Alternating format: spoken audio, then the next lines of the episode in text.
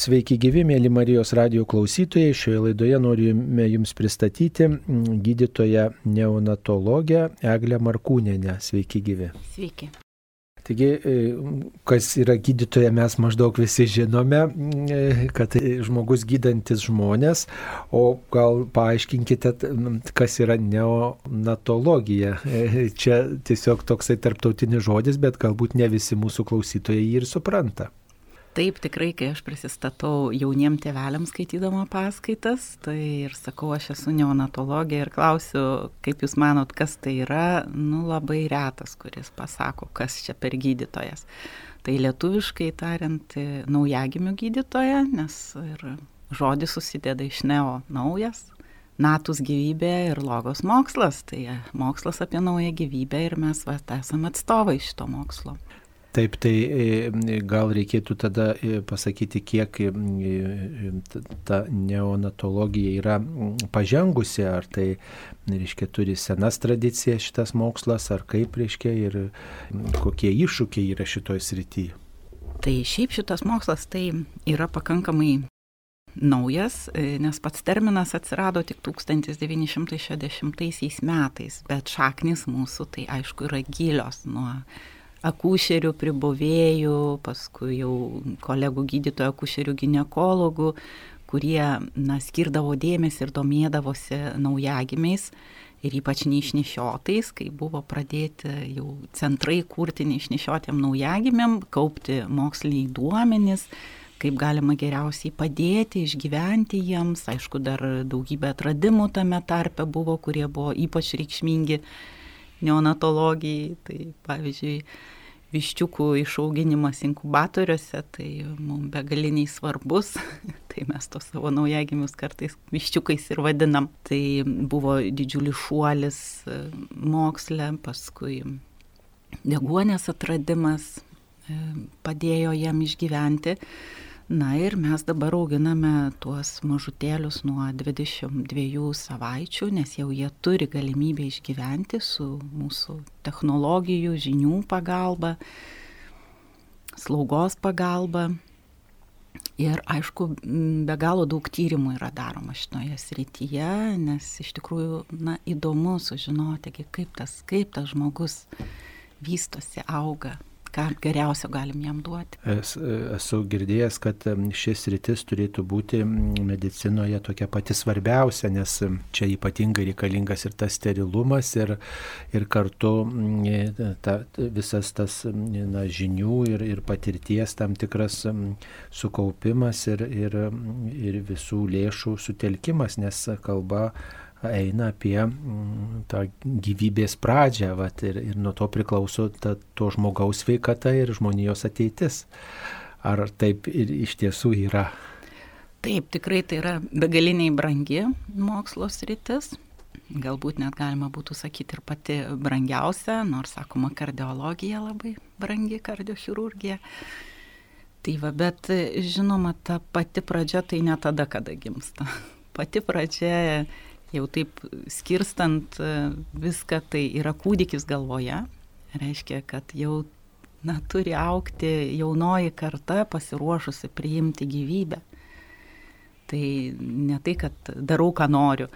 A čia truputį pagersiu, nes tai labai jaunystėje ar ne madinga ir su kompanija, ten parūkysiu, dar kokios žolės parūkysiu ir panašiai.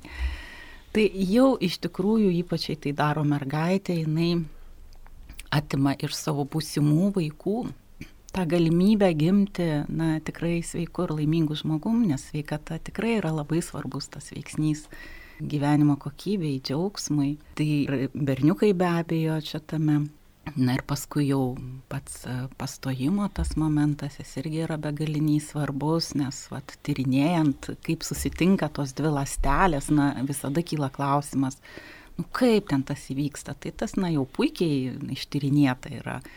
Ir ne vien tik tai pats stipriausias tas spermatozoidas princas, kaip vadinama, pasiekė tą princesę kiaušialastę jinai irgi yra aktyvi, jinai tarsi vat, apgaubė tą spermatozoidą, nors jis ir gal labai stiprus ir sveikas, ta genetinė medžiaga, kurią jis atsineša.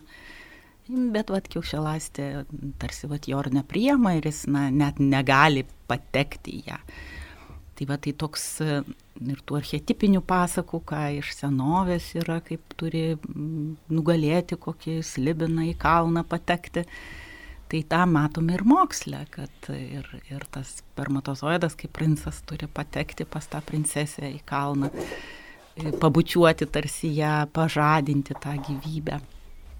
Ir tada prasideda, prasideda ta gyvybė. Ir, ir toliau visa ta seka, e, praktiškai visas jau žmogaus organizmas e, susiformuoja iki 12 savaičių, paskui jau yra tik tais na, augimas, plėtojimasis, daugėjimas.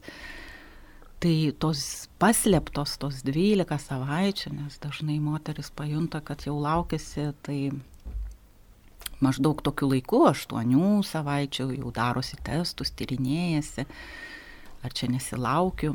Tai tas jos gyvenimo būdas ir, ir laukimas, ir mintis, viskas yra begaliniai svarbu. Nes tyrimai rodo, kad jeigu moteris patiria na, smurtą, kažkokį stresą, įtampą, nenori vaikų atmetimą, jau besiformuojančios smegenys yra vaiko pažeidžiamos, ypač berniuko pasirodo ir nuo lyties priklauso tas streso poveikis vaiko smegenų vystimuisi ir ne tik, ir imuninės sistemos vystimuisi. Tai tas, tas laikas begaliniai svarbus ir tai vadinama net tūkstančio dienų programavimu. Tai yra nuo pradėjimo momento, bet jeigu jau, kaip sakiau, dar žiūrėtume, kaip mes pradėsime, kaip lauksime.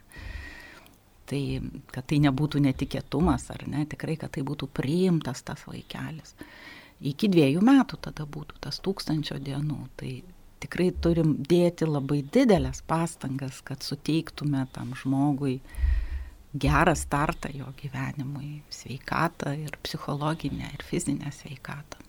O ar daug tokių žmonių, kurie štai iš labai anksti ruošiasi tėvystėje, motinystėje, vat, na, iš jaunų dienų, štai atsakingai tą žiūri, vat, jauni žmonės, turbūt jūs susitinkat ir su studentais, ir su, su jaunimu, ar jie tikrai laikosi ir vat, skaistumo, ir, ir tikrai rūpinasi savo ir fizinė sveikata, ir, ir psichinė sveikata, ir, ir vat, įvairiomis rytimis, nes jie ruošiasi tėvystėje, motinystėje, ar tai tiesiog na, ta tokia kultūra ateina mūsų krašte. Čia netgi ne tik mūsų krašte, bet ir vakarų kultūros šalyse yra tas didysis paradoksas, kuo mokslas daugiau įrodo tos svarbos, ką jūs ir minėjote, ir, ir skaistumo, ir pasiruošimo, ir laukimo ne, nesvarbu, kad nu, galbūt tik 30 metų suplanuosi ar ne, bet vis tiek tas laikas yra begaliniai tavo gyvenimo svarbus būsimai kartai.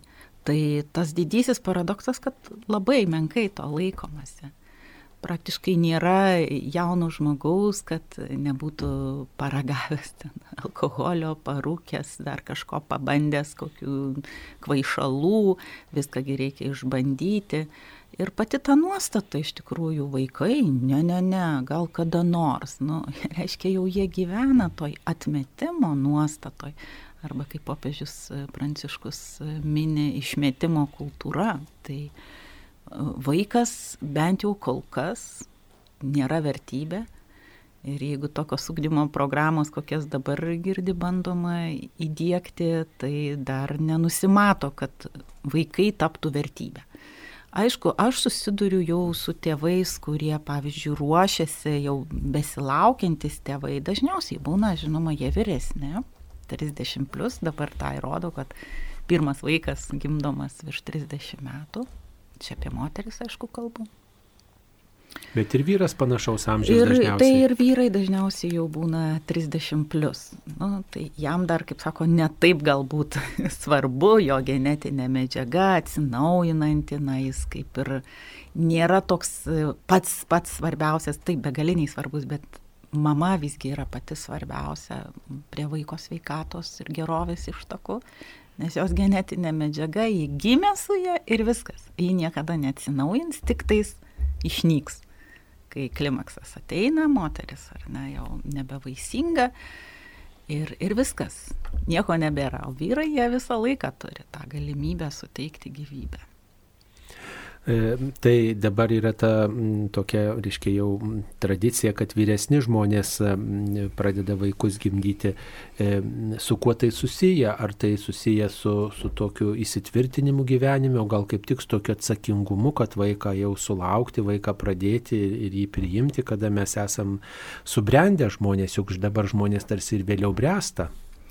Na, tyrimai iš tikrųjų rodo, kad e, moteris motinystėje subręsta, bet jau čia kalbam ne tik tai tą fizinę prasme, bet tą psichologinę, nes jinai nu, tikrai valdo mus 25 metų maždaug, nu plus minus, o vyrai 27 metų jau jie nori, na, turi gyvenimo patirtį tam tikrą, na, ir galbūt tą ekonominį kažkokį jau pagrindą, iš ko ir kaip gyventi, iš tėvų galų gale ar ne.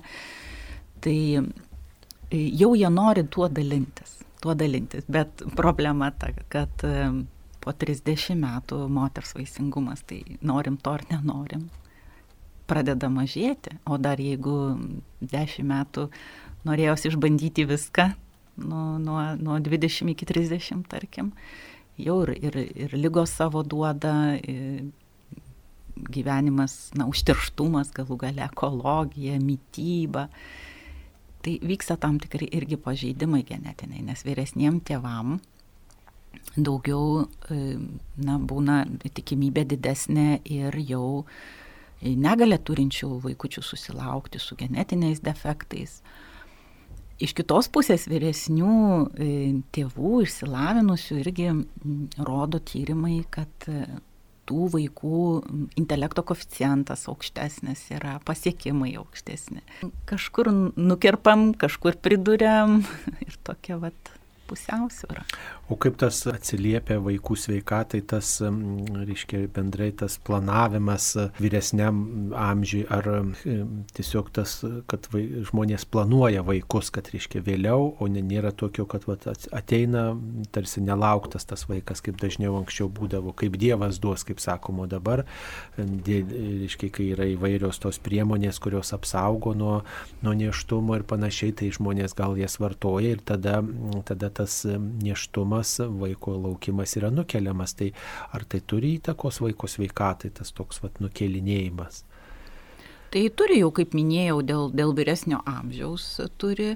Paskui, aišku, jeigu tai yra naudojama nuolat ilgai, dešimt metų kontraceptinės e, tabletės, tai vėlgi, kai jau suplanavau, ne visada gaunasi. Uh, Na ir tada jau e, prireikia ir pagalbinių technologijų susilaukti vaikučių.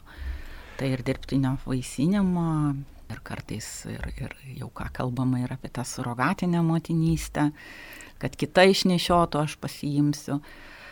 Na tai, tai mūsų elgsenos irgi pasiekmi mąstymo tai pradėjot kalbėti apie surogatinę motinystę, galbūt reikėtų šiek tiek daugiau apie tai kalbėti, nes vis garsiau pasigirsta tokių minčių Lietuvoje, reiškia tą, tą dalyką um, priimti, įteisinti. Tiesiog pirmiausia, gal pristatykim žmonėms, galbūt pamiršusiems arba nežinantiems, kas tai yra. Na, surogatinė motinystė tai yra tradicinė ir ta modernioji. Na, tradicinė tai gali būti, kai moteris su vyrų kitur, ne, turi santykius ir tada vat, nešioja tą kūdikį ir atiduoda jau kitai šeimai auginti.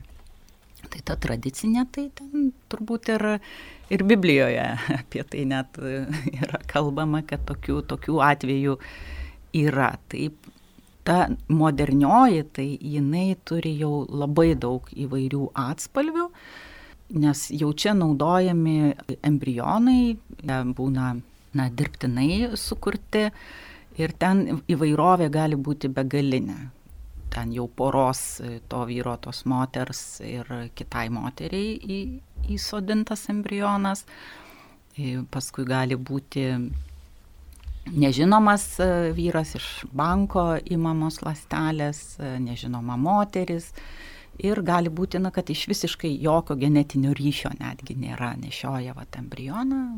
Svetima moteris. Svetima, ten čia ypač tas būna populiaru vienos lyties tada žmonių tarpe kažkokia moteris, nežinia, kieno ta genetinė medžiaga atiduodama vyram auginti. Tai, tai čia iš tikrųjų įvardinčiau kaip jau planuotą nusikaltimą prieš vaiką, smurtą prieš vaiką ir, ir keista, kad tai net stengiamas įteisinti. E, nes jeigu vat, grįžtant į pradžią, ką kalbėjau apie tą pradžią gyvybės, e, apie psichologinę, fizinę sveikatą, yra begaliniai svarbus mamos ir vaiko ryšys, kuris vat, turi ir pradėti formuotis nuo kūdikio galvoje, kad aš noriu to vaiko, kai pradedu lauktis, aš su juo stengiuosi užmėgsti ryšį.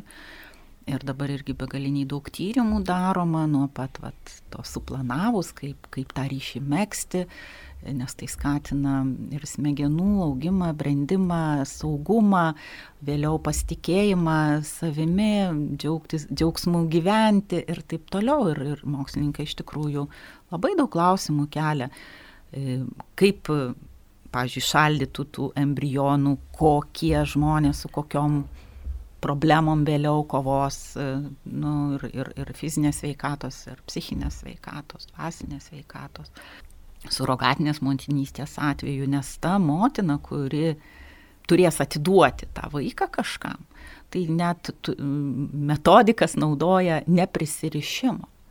Reiškia, nu, tarsi ten tavęs nėra. Tai devynis mėnesius vaikas gyvena iš tikrųjų atmetime, kad neprisirištų. O aišku, yra tokių atvejų, kur net Amerikoje čia buvo nuskambėjęs toks teisinis įvykis, kur uh, moteris pagimdžius nebetidavė. Ten dabar tiksliai negaliu pasakyti, ten ta genetinė priklausomybė kokia buvo, bet realiai net taip jau ir svarbu, nes vis tiek vaikas buvo ryšyje su ta moterį, moteris su tuo vaiku prisiriša, pamilsta. Na, kiek teko girdėti, surogatinė motinystė būna tokių dviejų tipų, jeigu taip galima pasakyti. Viena tokia būna, kada už pinigus moteris sutinka nešioti svetimą vaiką, tiesiog jinai nusamdoma yra, tai yra tiesiog gauna aprūpinimą tuo metu, kada jinai nešioja tą vaikelį ir paskui pagimdžius ir atidavus tiems, kurie davė embrioną į tos motinos iščias, gauna tam tikrą honorarą, užmokestį. Ir taip pat yra, yra tokia vadinama altruistinė motinystė, kada žmonės tikrai vat, atjaučia kitą žmogų, kuris neturi vaikų, o jinai vat, nu, gal vie neturi šeimos ar ką ir tada nusprendžia vat, na, vat, tai šeimai, bevaikiai šeimai išnešioti vaikelį. Tai galbūt apie vieną ir kitą būdą irgi pakalbėkime, reiškia, kad e, tarsi atrodo ir, ir gražu, kad kažkas pasiaukoja dėl kitos šeimos ir, ir štai nešioja vaikelį negaudamas atlygio, o štai kiti, ypač vat, teko girdėti, kad Indijoje, Rusijoje yra daugybė tokių šeimų, kurios turi daug pinigų ir, ir, tuos, ir taip pat yra daug vargšų, vargšių moterų, neturinčių iš ko pragyventi, tai tiesiog tos moterys už pinigus sutinka nešioti kažkieno embrioną ir jį paskui gimusi vaikelį atiduoti. Tai kokie čia yra tie tokie iššūkiai ir, ir, ir kur čia yra ta, ta klaida tokia? Jeigu žvelgiant iš vaiko perspektyvos, ką aš kaip neonatologė pirmiausia žvelgiu, tai jam iš tikrųjų jokio skirtumo nėra, ar ten bus sumokėti pinigai, ar tai bus altruistinė, nes vis tiek tas ryšys bus nutrauktas. Nu, tai yra taip kaip panašiai pamestas vaikas ir, ir net smegenų tyrimai rodo, kaip, tas, kaip vaiko smegenys tiesiog funkcionuoja to na, palikto vaiko su tuo klausimu, ar aš esu mylimas tik stresinėse zonose, ten tos e, temporalinės zonos ar, ar kaktinės rytis, kur turėtų vat, mąstymas, valia, e, emocinis intelektas vystytis, bendravimas, ten tiesiog apvoktos tos smegenys, nes vaikas begalinė įtampa yra, jis atmetimo yra.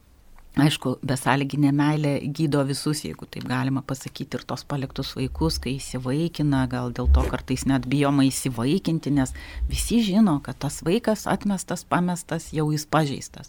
Tai čia lygiai tas pats, čia lygiai tas pats.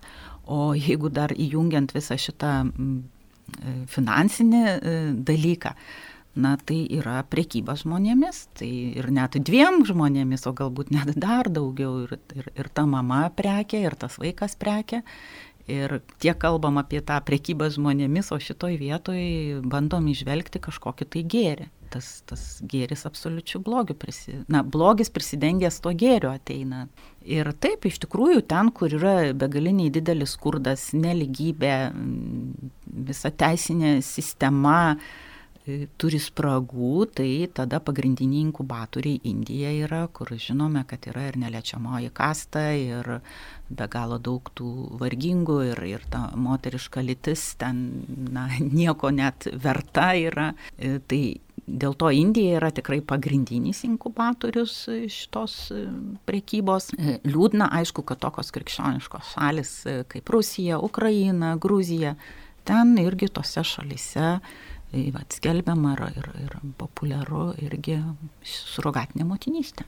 Dar vienas toks aspektas, kuris čia taip pat turėtų būti turbūt svarbus, kad jeigu, reiškia, tėvų e, spermatozoidas ir kiaušialastė yra e, įdedami į mėgintuvėlį ir tenai vyksta tas apvaisinimas, reiškia vis tiek dažnai būna keli embrionai ir tada tik tai vienas embrionas įdedamas į, į moters iščias, o kiti embrionai jie turbūt sunaikinami. Reiškia dar teko girdėti, kad netgi turtingi žmonės norėdami jau visiškai turėti garantuotai vaikelį, kelias tas surogatinės motinas pasamdo, tada paskui po kiek laiko galbūt daromi kokie tyrimai, kurie taip pat brangiai kainuoja, bet reiškia tie žmonės galbūt savo gali leisti tuos tyrimus apmokėti ir tada pasirenka vieną kažkokią su, surogatinę motiną, o kitai daromas abortas arba, pavyzdžiui, gimęs vaikelis, jo atsisakoma, jis atiduodamas į kūdikių namus kaip netinkamas, nes dėl kažkokių priežasčių galbūt, nu kažkas nepatinka, ar sveikata jo netokia, ar dar kažkas, gimis nepatinka, ar, ar lytis dar kažkas ir tada, reiškia, išrenkamas tik vienas. Tai va, ir apie tai turbūt verta kalbėti, kad tokie pavojai irgi egzistuoja. O tai jie tai yra visiškai, visiškai realūs ir tikrai yra aprašomi literatūroje visi šitie dalykai. Viską, ką turbūt baisaus besugalvosim, galima padaryti. Žmonėm fantazijos netrūksta ir eksperimentuoja su gyvybė.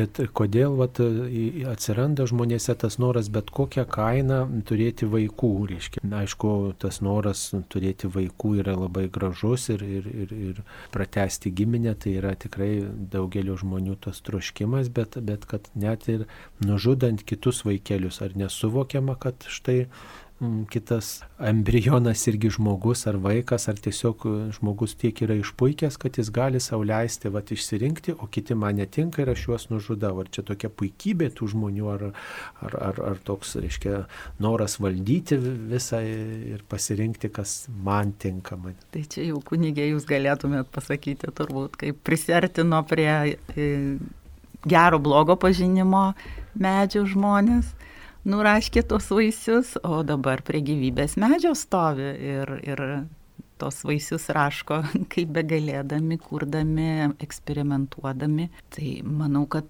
kad iš tikrųjų tas troškimas e, žaisti su gyvybė, kaip su lėlėmis, kaip su mašinytėmis, toks galbūt žmonijos nebrandumas. Ir na, kažkokių tai tyrimų labai tai nėra atlikta, kodėl jie taip nori daryti, jie, na, nelabai jau ten prisileis tyrinėjami psichologų, nes, na, pažeidžiamos mūsų teisės, jeigu jūs manote, kad mes kažką netaip darome. Na, o kaip galėtume ugdyti savo vaikus, savo anūkus, kad na, būtų daugiau pagarbos gyvybei ir kad jie tikrai ruoštųsi, ruoštųsi tai gyvybei kaip dovanai, o ne tai kaip tam tikram manipulacijos e, objektui, kad iškia, galėtų manipuliuoti juo, bet, bet priimtų kaip duotybę, kaip dovaną, kaip, kaip tam tikrą tokią na, meilės vaisių, meilės išraišką tą gyvybę, kuri ateina. Ir ne, ne tai, kad jeigu neturim vaikų dėl kažkokių priežasčių, ar dėl to, kad m, tai pasirinkome, reiškia, vartodami kontraceptikus ir taip pagadinom sveikatą, ar dėl to, kad galbūt nuo, nuo, dėl sveikatos kažkokių dalykų gyvybės nėra, kad tai nebūtų nustabas tas vaikų noras. Kaip, kaip reikėtų tos vaikus ugdyti? Tai čia visiems mums turbūt yra didžiulis klausimas, kaip išugdyti, bet kiekvienas asmeniškai turim paklausti, ar aš na, nepasipiktinau girdėdamas, kad va kažkokia šeima ten turi penkis vaikus, oi kam jiem tiek reikia, ar ne, ar ten vyresni gimdo arba mūsų artimoje aplinkoje ten mergina laukėsi ir ją pasmerkiam. Nu, tai tiesiog, jeigu tokie dalykai vyksta šeimoje, tai kad ir kaip mes gražiai kalbėtume apie tą gyvybę, tą vidų nuskaito mūsų nuostatų vaikai. Ir kad ir galų gale tas visas posakis nepageidaujamas neštumas nu tai neštumas lygų vaikas. Tai išverskim, kaip sako, į lietuvių kalbą, vat, kas tas neonatologas, naujagimių gydytojas, nepageidaujamas neštumas. Tai nepageidaujamas vaikas. Tai kiekvienas gali tada užduoti savo tėvam klausimą, ar aš buvau pageidaujamas vaikas. Toks, toks ugdymas ir turėtų būti, kad gyvybė yra tikrai na, vertybė. O jeigu nėra tų vaikų, tai na irgi tyrimai irgi parodė, kad pavyzdžiui dirbtinai, na, kai neturi vaikų ir jau paskui um, embrionus, na jau čia apie savo genetinę medžiagą kalbėkim, tėvo motinos, ten apie pakankamai normalų dar tą dalyką, tarkim, ar ne, mažesnį blogį, kad mėgintų vėlį vaikas paga, pa, pagamintas ir įsodintas į mamos iščias. Tai irgi tie vaikai vėliau turi daugiau problemų ir žmonės jau vėliau užaugę ir sveikatos ir ypač vaisingumo. Tai irgi reikia suklusti, kad, na, jeigu mes neturime vaikų ir visgi tikrai branginame, mylime tą vaiką galvoje dar, sakykime, ar ne, mes jau jį mylime, jam linkiam ko geriausio, tai gal nereikėtų per, per jėgą to vaikų iš kažkur gauti. Tai tikrai galima įsivaikinti ir, ir tai yra gražu. Ir išgydyti tą pamestą vaiką nuo, nuo tos nemailės ar ne, nes jau jisai tikrai patyrė labai sunku išbandymą. Na, bet visi turbūt nori savo turėti vaikų, čia jau bus svetimas, o aš noriu savo turėti, jau labiau, kad aš galiu sau leisti, ar dėl to, kad esu turtingas, tu, e, mūsų šeima turtinga, ar, ar kad štai toks esu išmintingas, ar, na, vat, sąlygos pas mus tokios, vat, yra, bet, bet reiškia savo turėti, o ne, o ne imti ten neaišku ką. Tai va dėl to žmonės turbūt irgi viena iš priežasčių, dėl ko ryštasi, ten bet kokią kainą reiškia, kad medicina pasitarnautų, kad medicina būtų pasamdyta ir padėtų sulaukti vaikų. Na taip, iš tikrųjų medicinoje yra ta, tokios dvi kryptis, ar ne, kurie e, apie tą besąlyginę meilę ar ne kalba, o kad gal tada paimkim tą kitą vaiką ir mylėkim kaip savo ar ne, ir, ir kiti, kurie sako, tai jūs negailestingi, jeigu neleidžiat e, susilaukti savų, nepanaudojant šio laikinių technologijų, ar ne, pastoti.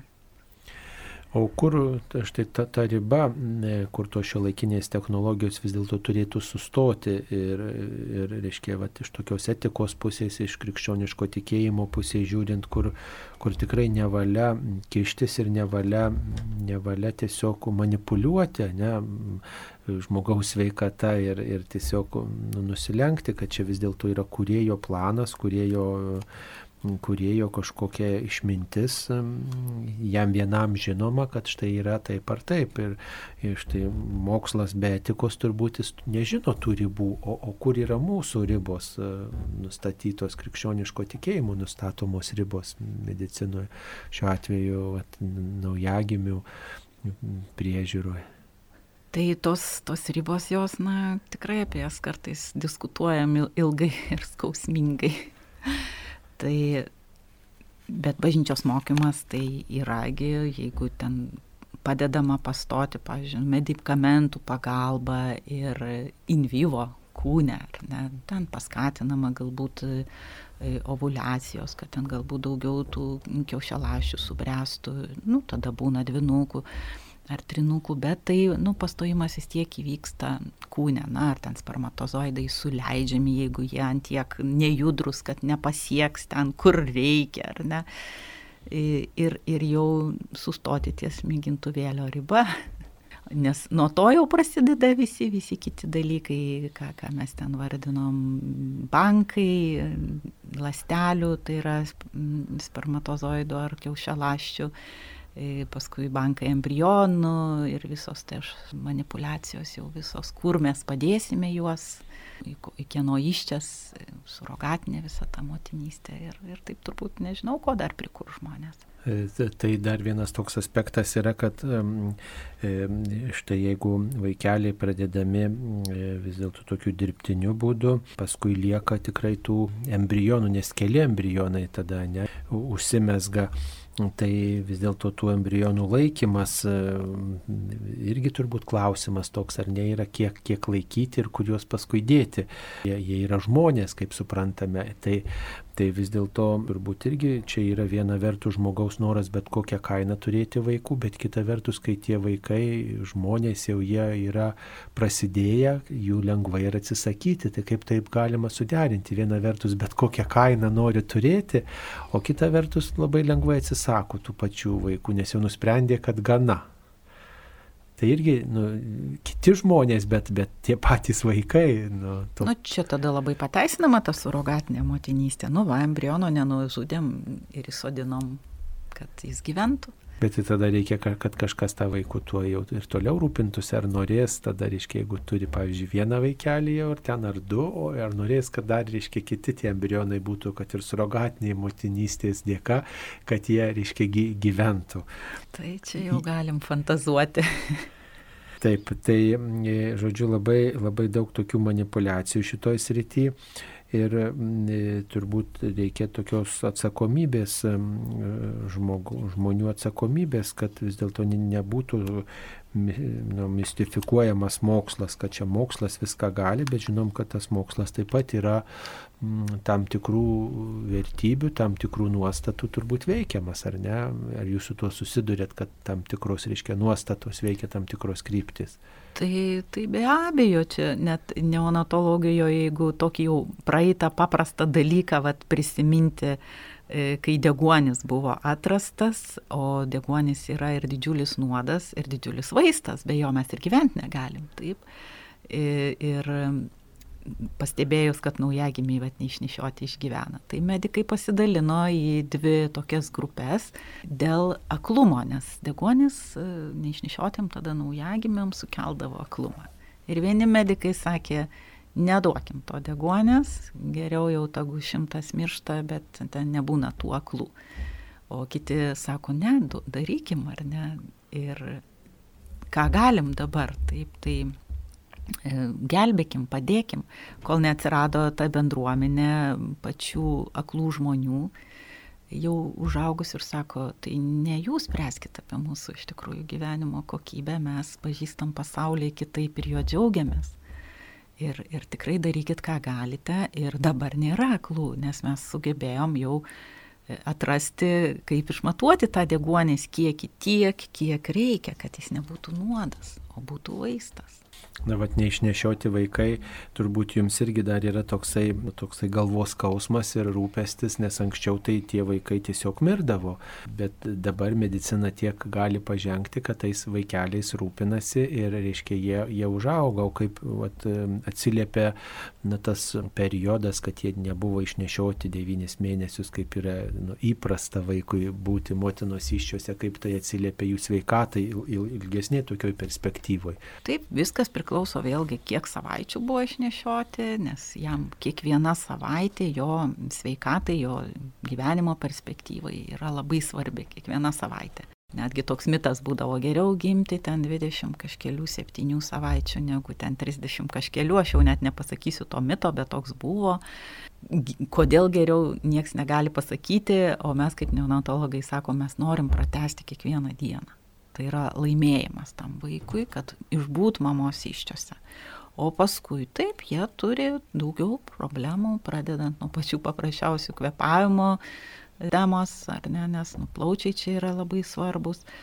Ir, ir be abejo, ir smegenų, ir akademinių visų pasiekimų, ir, ir, ir taip toliau. Nu, o kokie didžiausi iššūkiai jūsų, jūsų darbė neonatologijoje šiuo metu tiesiog su kokiu susidurėt tokiu nu, vat, klausimu, kuris labiausiai širdį graužia?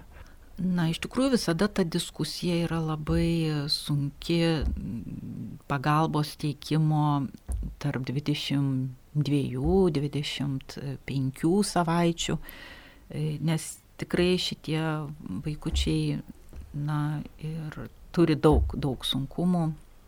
Bet vėlgi labai įdomu tai, kad tie centrai, kurie apsisprendžia neteikti pagalbos e, iki tų 24 savaičių ir tie, kurie nuo 22 teikia, jų rezultatai yra geresni su visų amžiaus kategorijų gimusio, ten ar 20, paskui 5, 6 ar 7, negu tų, kurie vėliau teikia. Tai, na, iš dalies visada tas ligoniukas ir mes visi turim būti dėkingi visos medicinos pasiekimams tik ligonėm, neįgaliesiems, nes jų dėka tie visi atradimai ir daromi ir mūsų profesinė kompetencija irgi tik stiprėja dėka ligonių, nesveikųjų. Laidos pradžioje minėjote, kad, reiškia, naujagimio E, apskritai vaiko sveikatoje, e, sveikatos rytyje, jo gyvenime nepaprastai yra svarbi motina. Ir nes jie, jos iščiose vaikelis nešiojamas, jį pagimdo, jį maitina vaikelį, jie, jie tiesiog tas artimiausias žmogus.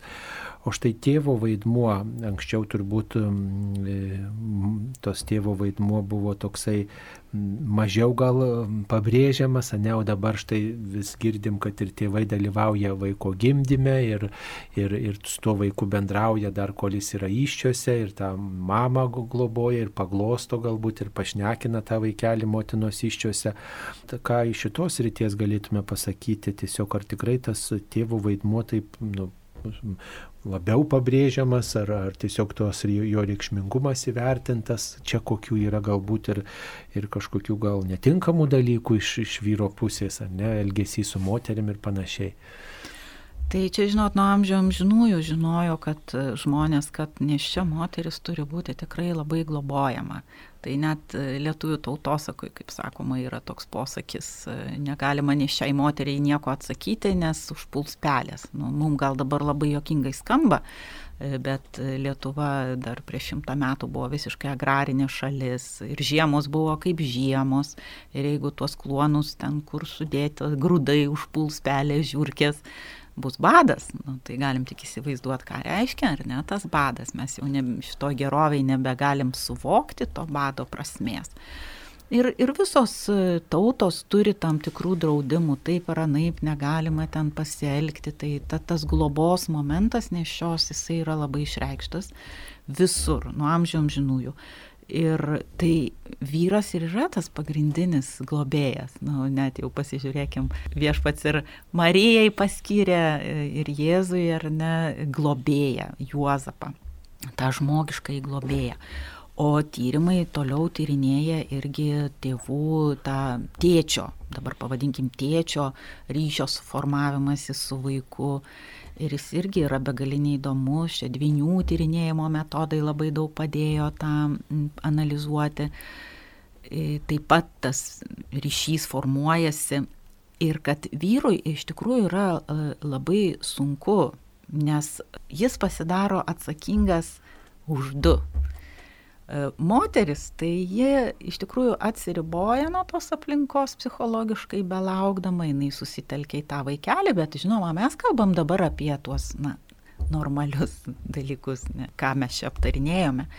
Tai va, tai jinai susitelkia į save, į vaikutį, į tą jo laukimą.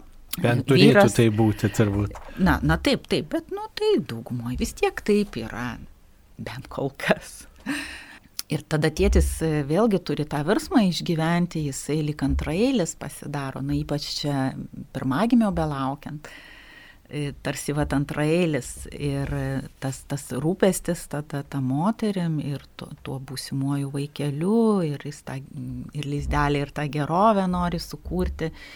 Ir tikrai, jeigu neruošiami berniukai būti tėvais ir priimti to, Jie netgi ir pabėga, žiūrėkit, kodėl tiek paliktų tų mamų. O, o partnerio palikimas tai mm, patirtis neštumo metu prilyksta aukščiausio lygio stresui. Tai yra netektis.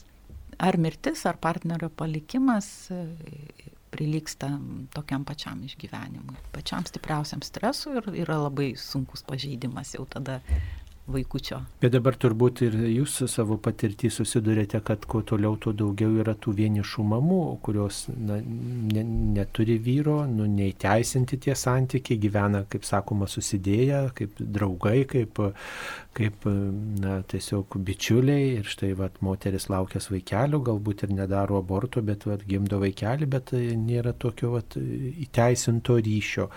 Ir e, vienišos moterys vat, gimdo vaikučius, kaip, kaip vaikui tai atsiliepia, kad štai motina viena augina vaiką, motina viena jo laukėsi ir kad ne, galbūt tas vyras ir ten būna šalia, ar paskui vat palieka, kaip vaiko sveikatai, fiziniai, psichiniai sveikatai tai atsiliepia.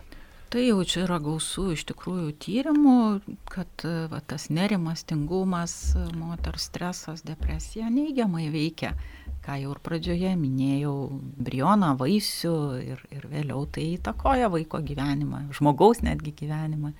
Visą gyvenimą jis gali tas pasiekmes jausti.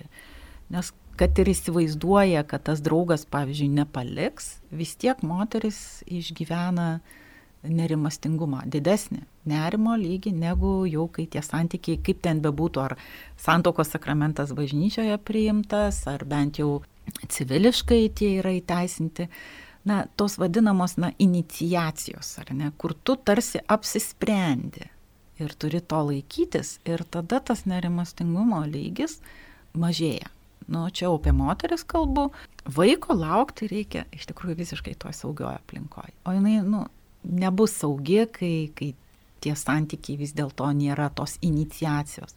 Ir visose tautose yra, žiūrėkit, įvedimas į paauglystę, įvedimas į šeimą. Viskas, vienas gyvenimo etapas baigėsi, tu jau nusirengi tos drabužėlius, auglio ir visų bandymų, gal šita moteris, gal ana moteris. Ir, ir tada apsisprendi, Tai svarbu turbūt ruoštis visą gyvenimą tėvystėje, motinystėje. Visi turbūt tą žino, bet kažkodėl to labai sunkiai laikosi, nes tas malonumų kultas, malonumų kultas, pramogos kultas, puikybė, tas noras valdyti visiškai savo ateitį, savo gyvenimą, noras visiškai viską kontroliuoti, turbūt pakiša koją.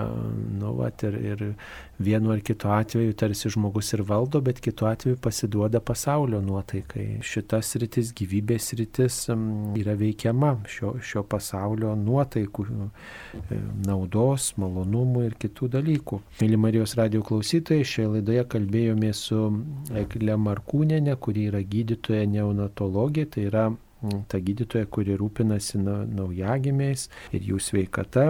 Taigi linkime visiems laukti gyvybės ir gerbti gyvybę nuo jos prasidėjimo iki natūralios mirties. Gydytoja kalbino aš, kunigas Saulis Bužauskas, būkite palaiminti, sveiki ir laimingi. Ačiū sudė. Sudė.